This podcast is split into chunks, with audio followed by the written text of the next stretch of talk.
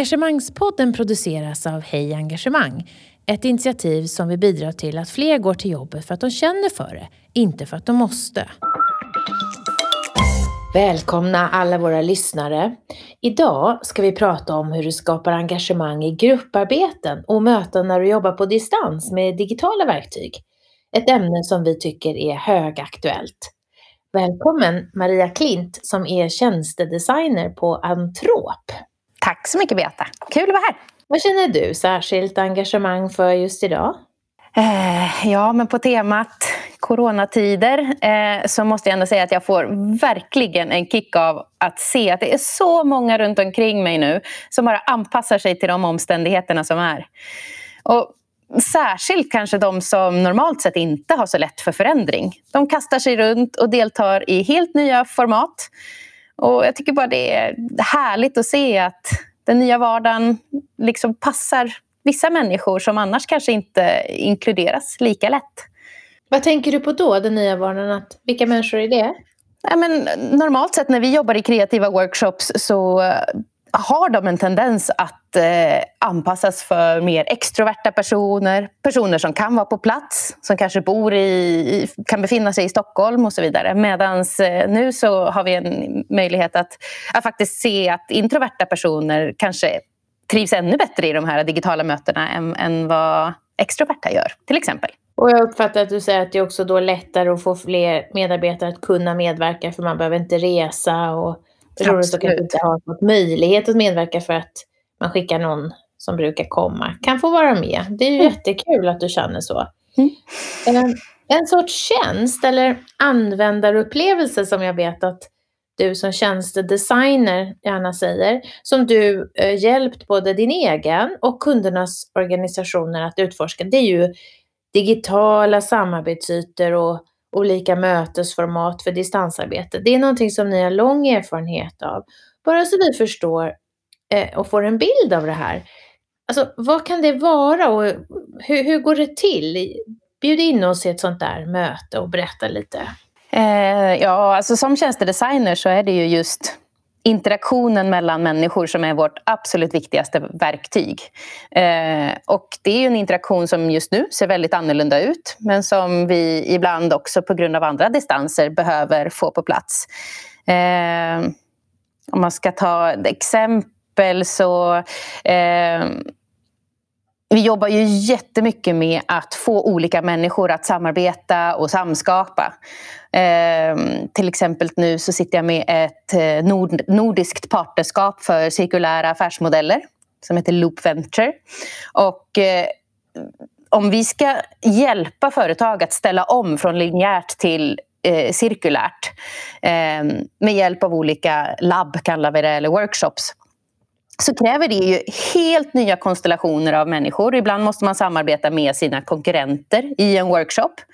Och om vi ska få till det så måste ju alla, partner, alla parter som är med på det, den workshopen känna sig både motiverade och de måste lita på varandra.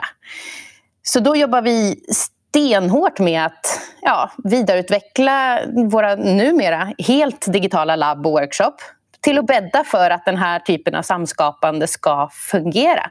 Att man eh, går in i ett rum, digitalt eller fysiskt och känner att man kan bidra, att man har där att göra, att det känns viktigt, att man har gemensamma mål.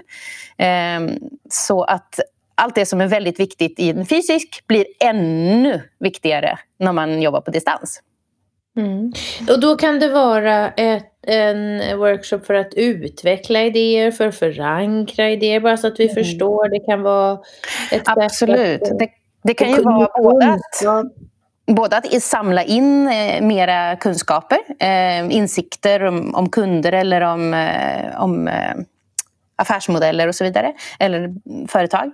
Eller så kan det vara att man sitter i mera en, vad ska vi kalla det, en idégenereringsworkshop där man utgår ifrån insikterna man har samlat in och tillsammans med alla deltagare jobbar igenom olika övningar eh, normalt sett så är det ju en post-it-värld vi lever i. Man har en whiteboard och ja, man sätter upp post-it och sånt. Och får folk att tänka världen. utanför boxen, tänka längre än, än, den första bästa tanken och att bygga på varandras idéer och, och stärka varandra. Eh, och då är det oftast att vi leder ett sånt möte eh, som facilitatorer eh, och bjuder in relevanta parter som ska vara med och skapa det nya eller förbättra det som redan finns.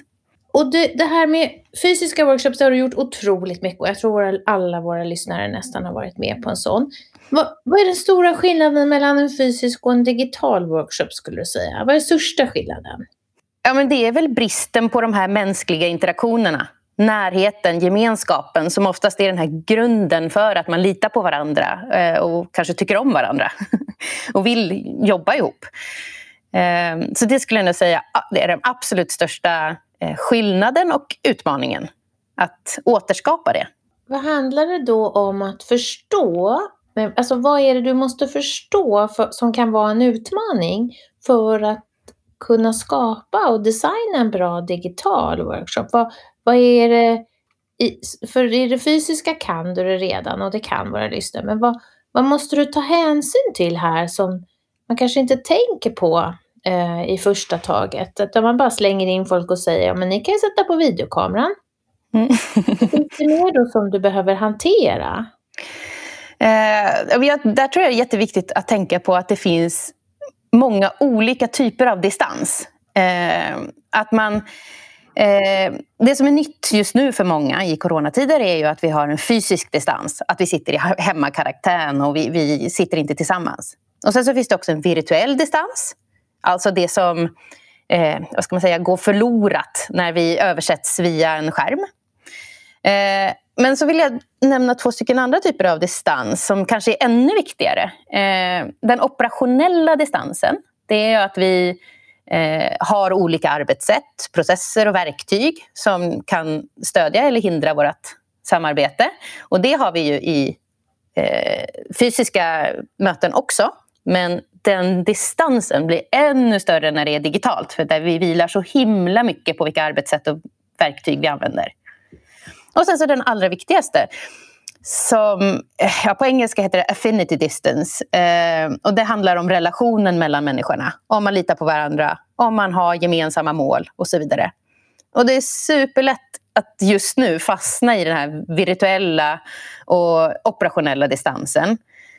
Men det som är lite kärnan i det är att om vi fokuserar på relationsdjupet och, och det där mellanmänskliga då skapar vi den motivationen som behövs för att, för att vi ska överkomma de olikheterna vi har i arbetssätt. Och inte minst så får vi liksom motivationen till att äh, vad ska man säga, det blir bättre förutsättningar för att orka tackla alla de här tekniska utmaningarna och virtuella utmaningarna som, som dyker upp.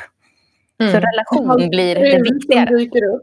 Ja. Ja, Kan man säga så då att, att eh, det är relationsdjupet som också skapar ett bra relationsdjup skapar engagemang i de här mötena. Vi som älskar att alltid tänka engagemang i den här podden. Ja, absolut. Jag säger mm. motivation, men det är väl lite av detsamma som engagemang i det här fallet. Ja, ja för att om vi definierar engagemang som en frivillig ansträngning över tid som vi brukar göra, då tänker jag att då vill du fortsätta vara kvar i det här, mm. även om det strular lite grann eller det, det är lite oklart, men du väntar på dina instruktioner och du litar på att det här blir bra och du håller nyfikenheten vid liv och du vill pröva mer för att du ser att de här som normalt är tysta plötsligt kanske får en chatt att skriva i och så vidare. Mm. Ja, men det är ju eh, engagemanget. Eh, alltså det krävs ännu mer engagemang för att hålla sig kvar i, eh, i en, en distanssamarbete. Och det är ju också för att när det väl börjar eh, bli lite friktion mellan deltagare och det blir tufft, då är det ganska lätt att bara sätta på mute, stänga av videon eller slå ihop laptopen. Eh, så att det krävs att man bygger den här relationen så att man stannar kvar, även när det är tufft. Du ska få berätta mer om det och jag tänker vi börjar med när du förbereder din digitala workshop. Vad är dina bästa lärdomar då nu efter att ha kört väldigt många sådana här grupper? Övergripande kan man väl säga att alla komponenter som gör en fysisk workshop lyckad måste tas hand om även digitalt. Och oftast ännu mer. Och många av de delarna är väldigt lätt att glömma bort. Eh, och exempelvis skulle jag kunna säga att i, helt i starten av en, en workshop så måste man planera in att, eh, att alla deltagare ska känna sig sedda, till exempel. För att i en, en i, IRL, i ett helt vanligt möte, då skakar vi hand och, och använder namnlappar om vi inte känner varandra. Eh, och det gör vi ganska automatiskt. Men det här måste vi även hantera och planera för när deltagarna kommer in i det digitala mötesrummet. Eh, och då brukar jag se till att välkomna alla individuellt. Eh, be dem sätta på ljudet så jag kan testa det och höra deras röst. Sätta på kameran om de kan vara med på kamera. Och sen om beroende på vilket, eh, vilket verktyg man är i så se till att allas namn är, har sitt fullständiga namn och eventuellt också deras organisation om inte alla kommer från samma. Så att man eh, byter ut eh, vad ska man säga, username. Om någon eh, heter Skumbjörnen 99 ja, så vill du inte att de ska heta det utan Kalle Bengtsson. Mm. Ja, så att man i princip skapar den här namnlappen och att alla vet eh, vem som är vem.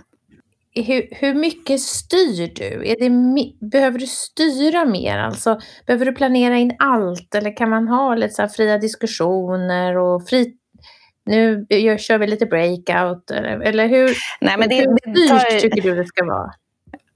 Det beror på hur trygg man är eh, i verktygen och i vad man ska göra och hur komplex själva workshopen är. Men, men eh, en, eh, en tumregel är väl att det tar väsentligt mycket längre tid att planera en digital workshop. Eh, för att det, det, behöver ha en plan A, en plan B och kanske en plan C ibland. Eh, men fördelen är ju av att när du väl har lagt, investerat den tiden så, så blir det oftast skapar det en tydlig struktur för alla deltagare och det skapar ju en trygghet.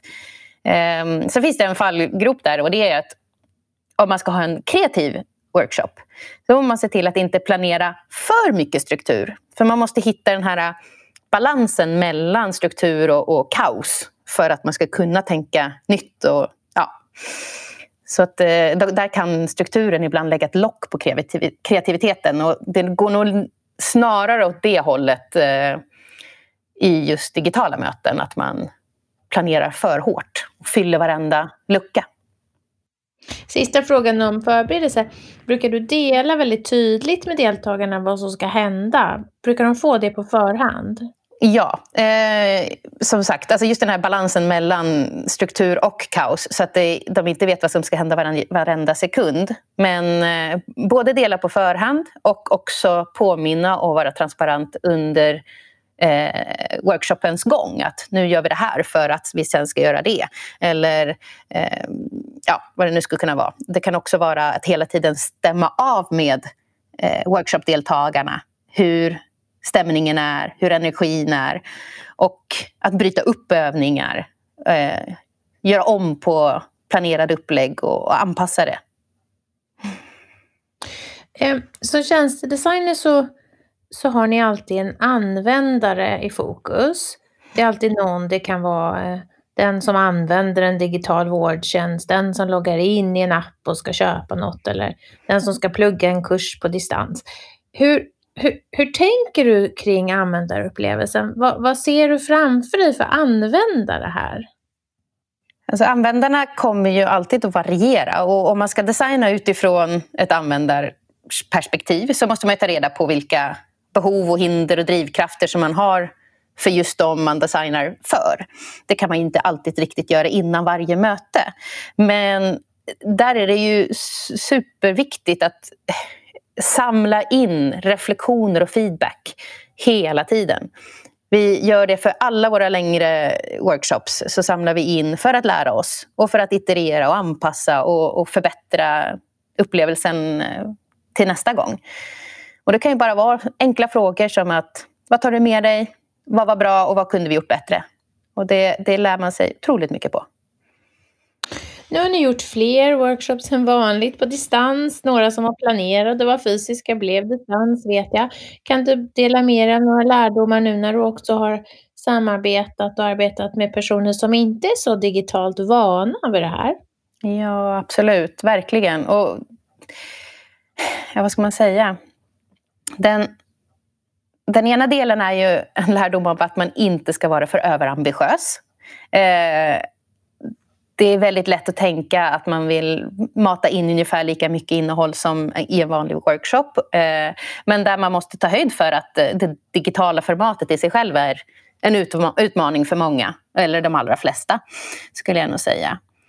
Eh, och att det där blir superviktigt att introducera allting långsamt och anpassa det till de deltagarna som är med och se till att alla kan få lyckas. Det är jätteviktigt att alla får lyckas på vägen.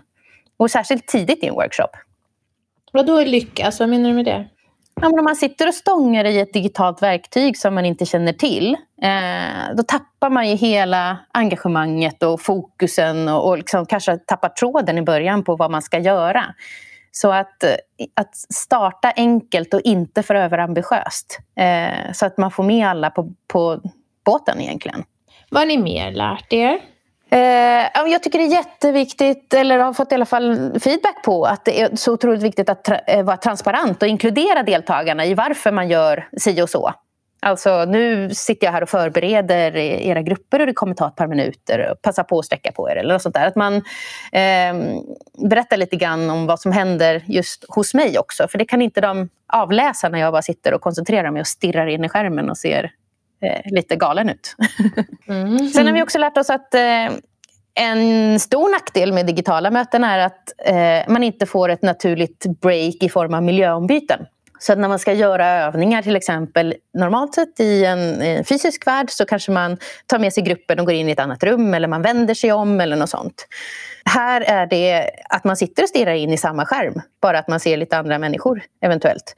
Och eh, det kan göra att det blir väldigt svårt att hålla fokus. Så man behöver hjälpa deltagarna att inte gå vilse, att inte tappa det där fokuset. Ehm, det kan man göra med olika verktyg. Vi använder en digital whiteboard. Eh, där finns det en feature som heter Summon Everyone. Och det betyder alltså att man styr deltagarnas skärm så att alla tittar på samma sak. Och det har vi fått feedback på att det är väldigt behagligt att man får det där. Det blir samma som när man står framför en whiteboard. Så står jag och pekar, då vet alla var de ska titta. Har du några mer tips på hur det blir lite variation? Att ja. det inte bara blir samma Sitta på men det är, och titta på, titta på varandra med lurar på öronen. Och... Jag tycker att det, det, dyker upp mer och mer olika saker på vad man kan göra och folk är kreativa i det där. Eh, där handlar det om att känna in vad, vad, vi behöver nu. Jag vet att nu efter två, tre veckor med jobba hemma så är ju både kroppen och knoppen eh, väldigt trötta. Eh, och att det kan vara fint eh, att lägga in en liten minimeditation mitt i en workshop eller som incheckning, att man leder deltagarna. Sitter de hemma så är det inget problem att sitta och blunda i två minuter. Det kan vara gemensamma eh, sträck och gympaövningar för att eh, ta hand om, om det mer fysiska. Men också kanske att man kan, man kan lägga in konstpauser, tystnad. Bara för att det är eh, digitalt så måste det inte låta hela tiden. Utan låt tystnaden få spridas, det är inte farligt. Har du något tips på hur många deltagare som är lämpligt att ha med? Vad orkar man för att hålla ett högt engagemang? Här tror jag det är precis samma som i fysiska workshops. Vi brukar säga max fyra personer för att hålla bra diskussioner i grupper. För då kan alla komma till tals och alla blir viktiga. Ingen försvinner riktigt. Eh, Sen är det ju, det är ju ingen begränsning i antal deltagare totalt sett. Och det är ju lockande att tänka att man kan bjuda in hur många som helst. Men, men det som är viktigt är väl att vara lite selektiv med när man bjuder in. För att man vill absolut undvika att sitta och ha halvmotiverade deltagare som sitter och svarar på mejl under workshopen och så. Det smittar så himla lätt. Så att eh, ja, ta en extra tänk runt vilka som faktiskt måste vara med och vilka som verkligen kan bidra. Och, och det här med, vi vet ju att interaktivitet skapar engagemang, när du får vara med och samskapa, när du eh, blir ianspråktagen som deltagare. Hur, hur förbereder du upplägget och hur tänker du kring just för att maxa interaktiviteten? Jag tänker att eh, alltså en, en del som är jätteviktigt att komma ihåg där, det är ju att för att öka engagemanget eh, i ett digitalt möte så är det eh, vad ska man säga, ansvar är någonting som skapar både engagemang och fokus.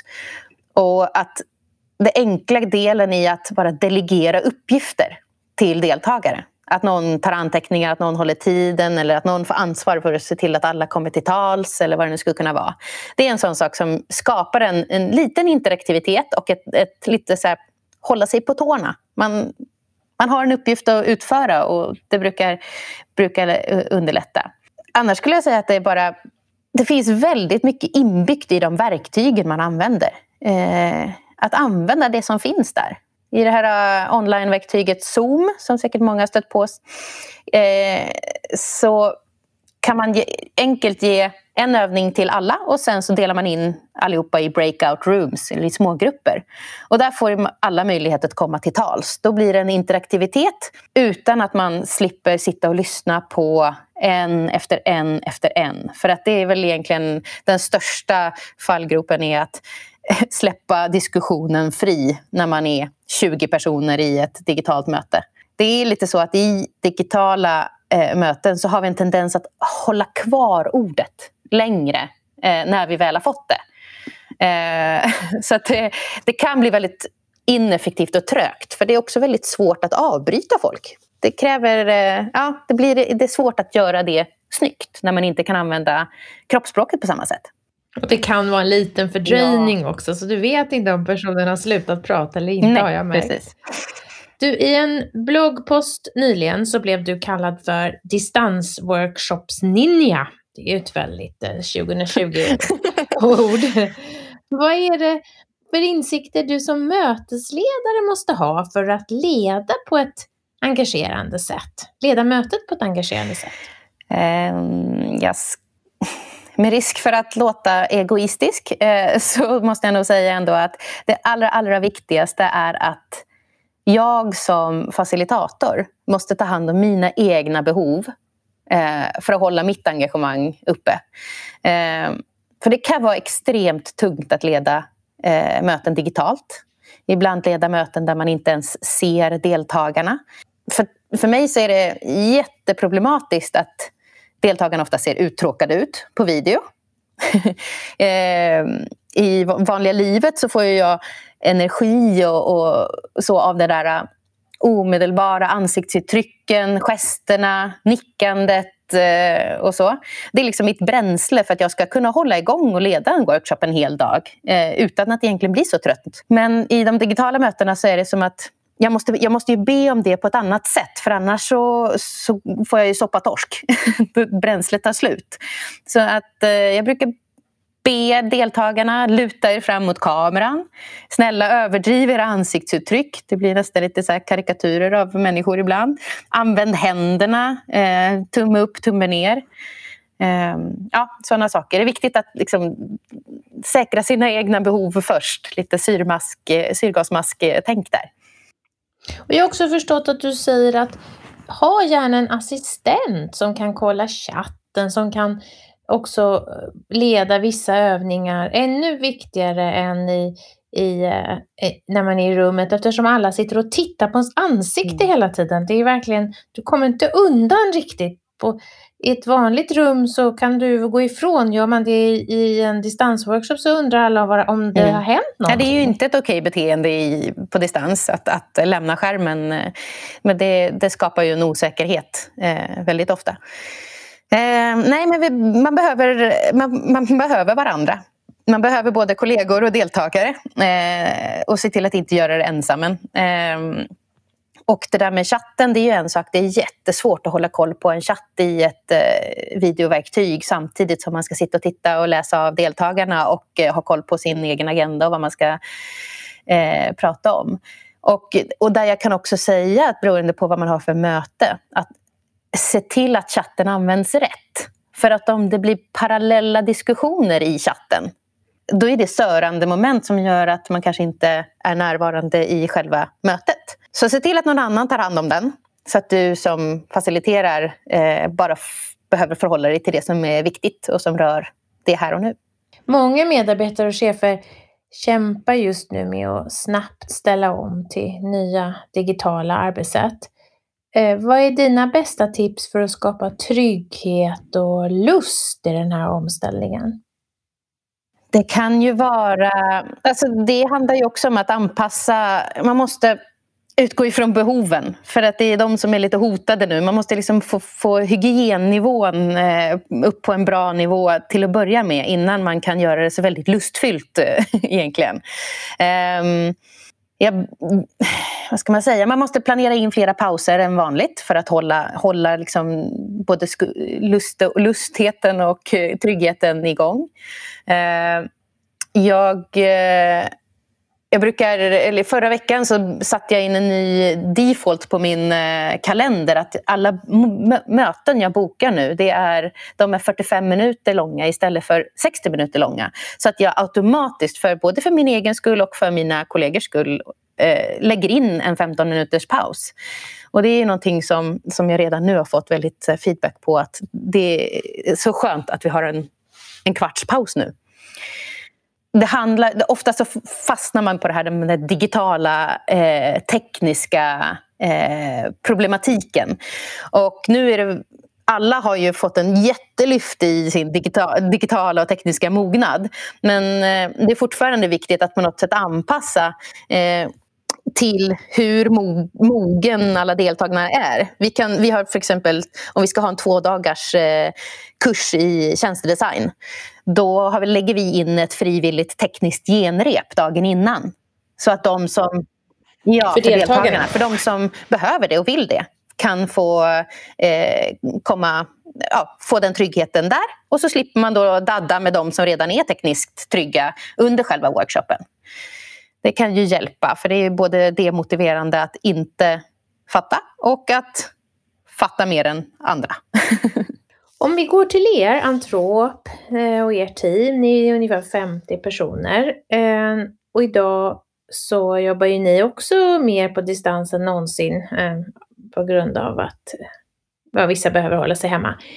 Vad, hur gör ni för att hålla engagemanget över dagen? Eh, ja, men vi försöker fortsätta med de rutiner och strukturer som redan finns. Det vi vet eh, är värdefullt för oss. Och sen så kan det ju vara en idé att försöka återskapa det här korridorsnacket på något sätt som, som är jättesvårt att skapa. Men att ha en e-fika eh, så att folk tittar in och, och pratar om annat än, än det som är i projekten eller vad det ska kunna vara. kan vara att ha en chattkanal som är e-skvaller eh, så att man i alla fall får kommentera på lite grann och höra lite sånt. E som är elektronisk eller?